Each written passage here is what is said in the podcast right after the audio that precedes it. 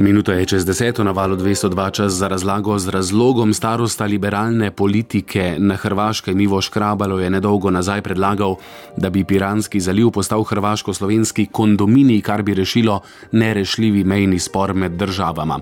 Ker valovski razlagalci ob vsaki ne vsem znani besedi zastrižemo z ošesi, smo to seveda storili tudi ob kondominiju.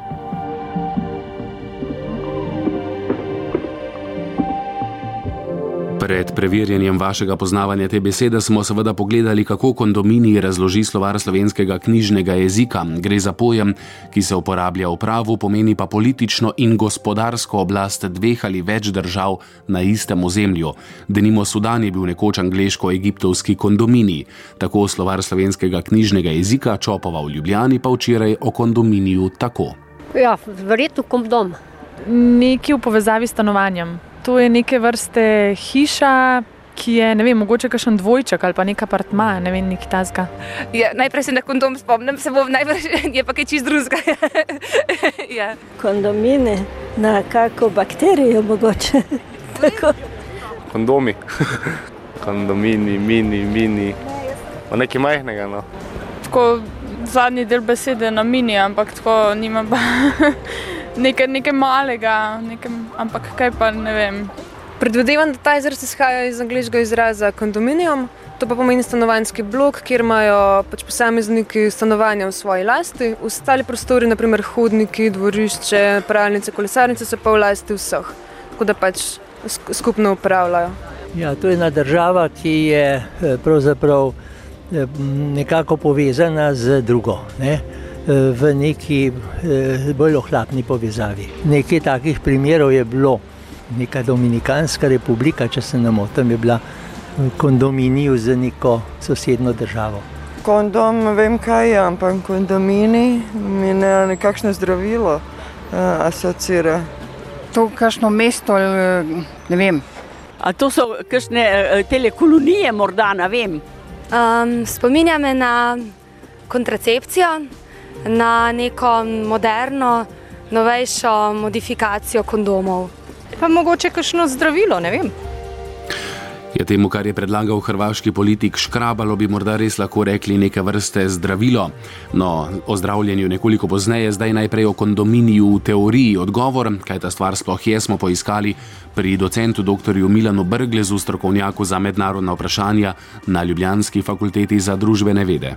Po mednarodnem pravu je to termin, ki označuje, da dve ali več držav izvaja suverenost nad določenim območjem in to skupno suverenost nad določenim območjem. To je v bistvu neka vrste pragmatična rešitev, včasih formalizirana v pogodbi, včasih stvar samih dejstev. Kondominiji se lahko ustanovi tako na kopnem kot na morju, rekah ali jezerih za določeno obdobje ali trajno. Vzroke za pojav takega deljenega izvajanja suverenosti nad določenim območjem pa lahko iščemo od 15. stoletja naprej. E, pojavi se ravno zaradi tega, ker se suverenosti v času, ko se je suverena šele izoblikovala, torej tam od 15. stoletja naprej, e, ki se je natikala pravzaprav posameznih vladarjev. Ne? Eh, ko so obstajali spori med njimi, jih je bilo najlažje rešiti z tem, da se je oblast pripisala obema.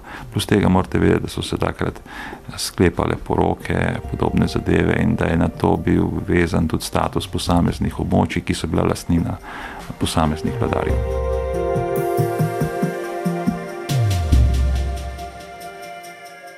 Mogoče največji kondominiji so bili tisti, ki so bili v zgodovini nekako v procesu kolonizacije spostavljeni, ko se posamezne kolonialne sile niso mogle dogovoriti, kdo bo nadziral določeno območje in v tem primeru so vzpostavljali kondominiji kot recimo nad Sudanom, med Egiptom in Britanijo ali pa recimo pri otokih Vanuatu med Francijo in eh, Veliko Britanijo zopet ne. To je en tak vidik. Drug vidik je, da je možno nekatere uh, dele uh, ozemlja, torej kopnega ali morja, pravzaprav na isti način tretirati. Kaspijsko morje naj bi bil nek kondominij med tistimi državami, ki so okoli njega, potem nekateri otoki, tudi deli recimo rek, Eh, so lahko takšne zadeve. Končno imamo tudi rešitev eh, meddržavnega sodišča v primeru Fonseca, kjer gre za kondomini med El Salvadorjem, Hondurasom in Nikaragvo.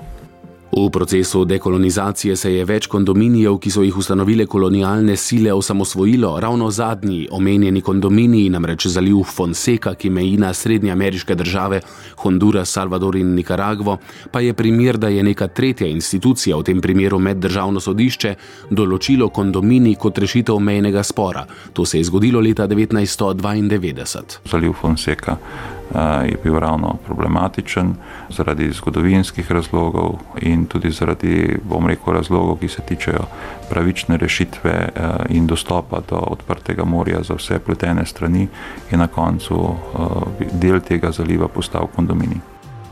Dejstvo pa je, da kondominiji ni ravno pogosta oblika reševanja sporov, zgolj kakih deset omembe vrednih kondominijev je na svetu. Zakaj se ne uporablja bolj pogosto, docent dr. Brgles? Zaradi tega, ker je treba priti do dogovora med dvema državama, ne samo v tem, da bo to formalno neko območje imelo status kondominija, ampak tudi kako se bo potem izvajala oblast znotraj tega formalno imata res obe državi oblast, vendar je treba čist praktično zadevo izvajati in najverjetneje to lahko povzroči določene probleme, še zlasti, če se recimo politična situacija med državama ali pa znotraj posamezne države spremeni. Ključnega pomena pri ustanovitvi kondominija je določitev območja, ki naj bi bilo v kondominiji vključeno, in pa praktičnih rešitev glede posameznih vidikov izvajanja oblasti strani držav, ki sta formalno suvereni na tem območju. Preprosto povedano, dogovorite se je treba, katera država bo izvajala policijski nadzor, katera carinskega, pa do čisto življenjskih stvari, kot so komunala, oskrba z vodo, elektriko in podobno.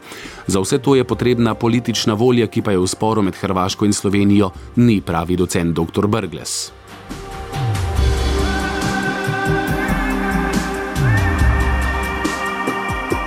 Bistvo predloga je v tem, da Slovenija in Hrvaška soglasno prenehata določati morsko mejo, saj se bo pokazalo, da smo prišli v pad položaj, iz katerega zaradi dosedanje prizadetosti ene in druge javnosti ni lahko najti izhoda.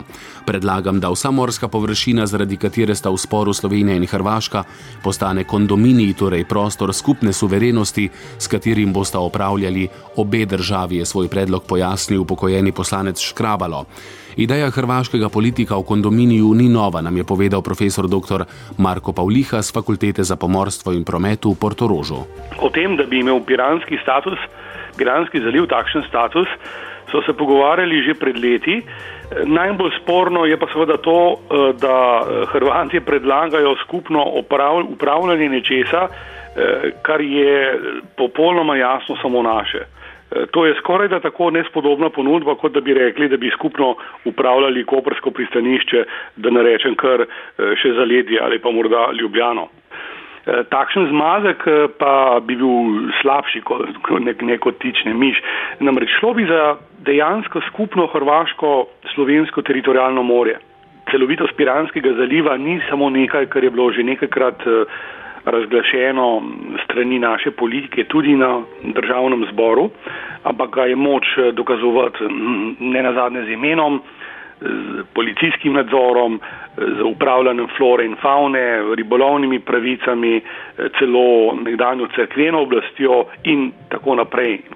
Pač pa bi morda lahko iskali ponovno takšen status v tistem delu, ki bo Sloveniji dokončno omogočal stik z odprtim morjem.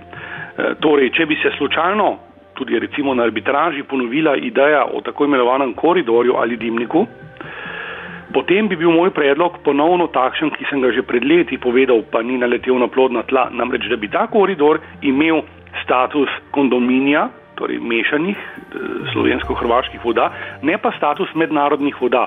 S tem bi se recimo v sporazumu Drnovšek-Račan izognili rezervaciji strani Hrvaške, čež da jim takšen koridor odreže del teritorijalnih voda v obliki trikotnika in da so potem ločene od drugih teritorijalnih voda. Če bi imel kondominij oziroma koridor status mešanih voda, potem bi lahko rekli, da se tudi tisti hrvaški trikotnik nekako nadaljuje potem do njihovih teritorijalnih voda. Pa še eno prednost bi imel.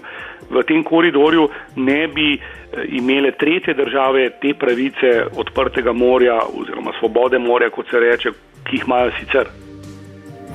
Ideja kondominija je torej še vedno aktualna, a zaplete se tam, kot se zaplete vedno pri določitvi tistega, o čemer se sploh pogajamo.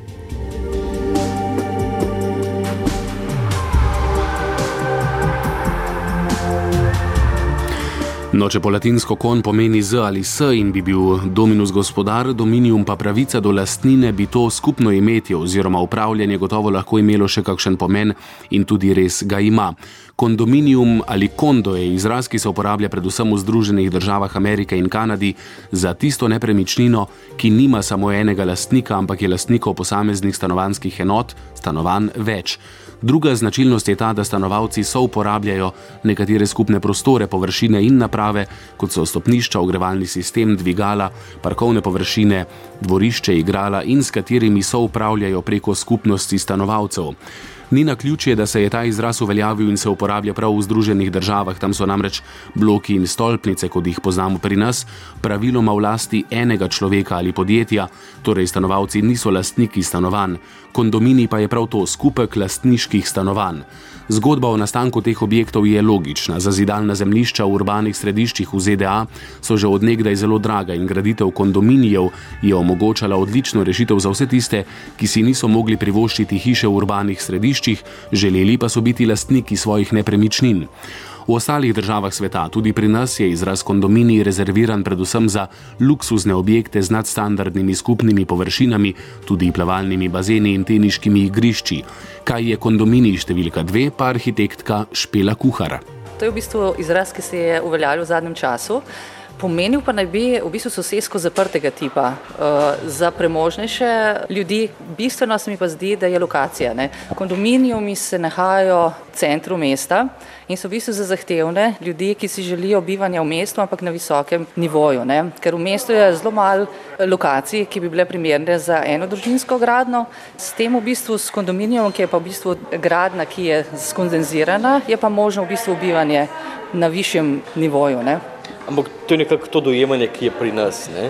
Recimo v Ameriki, v Združenih državah Amerike, pa so kondominiji pravzaprav stanovanski bloki. Ne? Stanovanski bloki, ne? ampak pri nas se je pravzaprav ta izraz eh, uveljavil bolj za nadstandardno. Recimo kondominij, prvi kondominijum, ki se je pojavil, je bila kondominijum Trnavski pristan, arhitektov Sadarvuge, pa potem za urbane vile. Mislim, da se je tudi ta izraz uporabljal, druge pa mislim, da ne. Eh, pa mogoče še eh, v Seči, ki se je zgradila tudi vila bloki, mislim, da osem vila blokov, kot zaprtega tipa z ograjo, z tudi značilno za to nadstandardno, recimo sosedsko, naj bi bilo tudi recimo 24-urni konsjerž, rečejo kot uh, potem tudi portir, ne, je dosti krat, eh, tudi v tujini recimo, teneška igrišča, bazene. Pri nas je pa v bistvu odvisno seveda od lokacije, uh, kje kondomini stoji in tudi investitorji, oni želijo stržiti pravzaprav čim več čim več stanovanj ponuditi in eh, gre tudi to na račun recimo tiste dodatne ponudbene. Ampak kondominijom je prav značilnost to, da naj bi imel veliko te ponudbe skupne, eh, kvalitetne, ne? da so recimo tudi veže so večje, svetlejše, so atriji za zelenitve, um, kvalitetni materijali recimo je pa to tudi neko posebno, rekel, socialno okolje. Ne? Določeni ti kondominiji v Združenih državah ali v teh anglosaksonskih državah recimo uvedejo prav neka notranja pravila delovanja stanovanske skupnosti. Ja, se, jaz mislim, da se tudi nekako pri nas to uh, na ta način Eh, potem organizira. Glede na to, kdo stanuje v takšni stavbi, se potem neka pravila vzpostavijo. Ne? Se vam zdi, da v, Sloveniji ima to vrstna gradnja oziroma to vrstno razmišljanje prihodnost, da bo teh kondominijev, vi ste omenili zdaj tri, da jih bo v prihodnosti še več, pričakujete, da jih bo še več? Ja, zdaj smo se znašli v uh, recesiji ne? in uh, se mi zdi, da prav zelo veliko jih ne bo. Najbrž nekaj še, ampak eh, ker število ljudi, petičnih ljudi je le omejeno. Ne? In se mi zdi, da nekaj absolutno, predvsem Ljubljana, Maribor mogoče lahko pričakujemo. Kondominijem torej upravlja skupnost stanovalcev ali organ sestavljen iz izbranih predstavnikov, ki včasih določijo tudi zelo stroga pravila za življenje v objektu. Tako se predvsem v manjših skupnostih dogovorijo za posebna merila, povezana z omejevanjem hrupa, domačimi ljubljenčki v stanovanjih, morda celo pri oddajanju stanovanj v najem, kjer si ostali stanovalci v kondominiju pridržijo pravico zavrniti najemnika, ki ne ustreza njihovim kriterijem.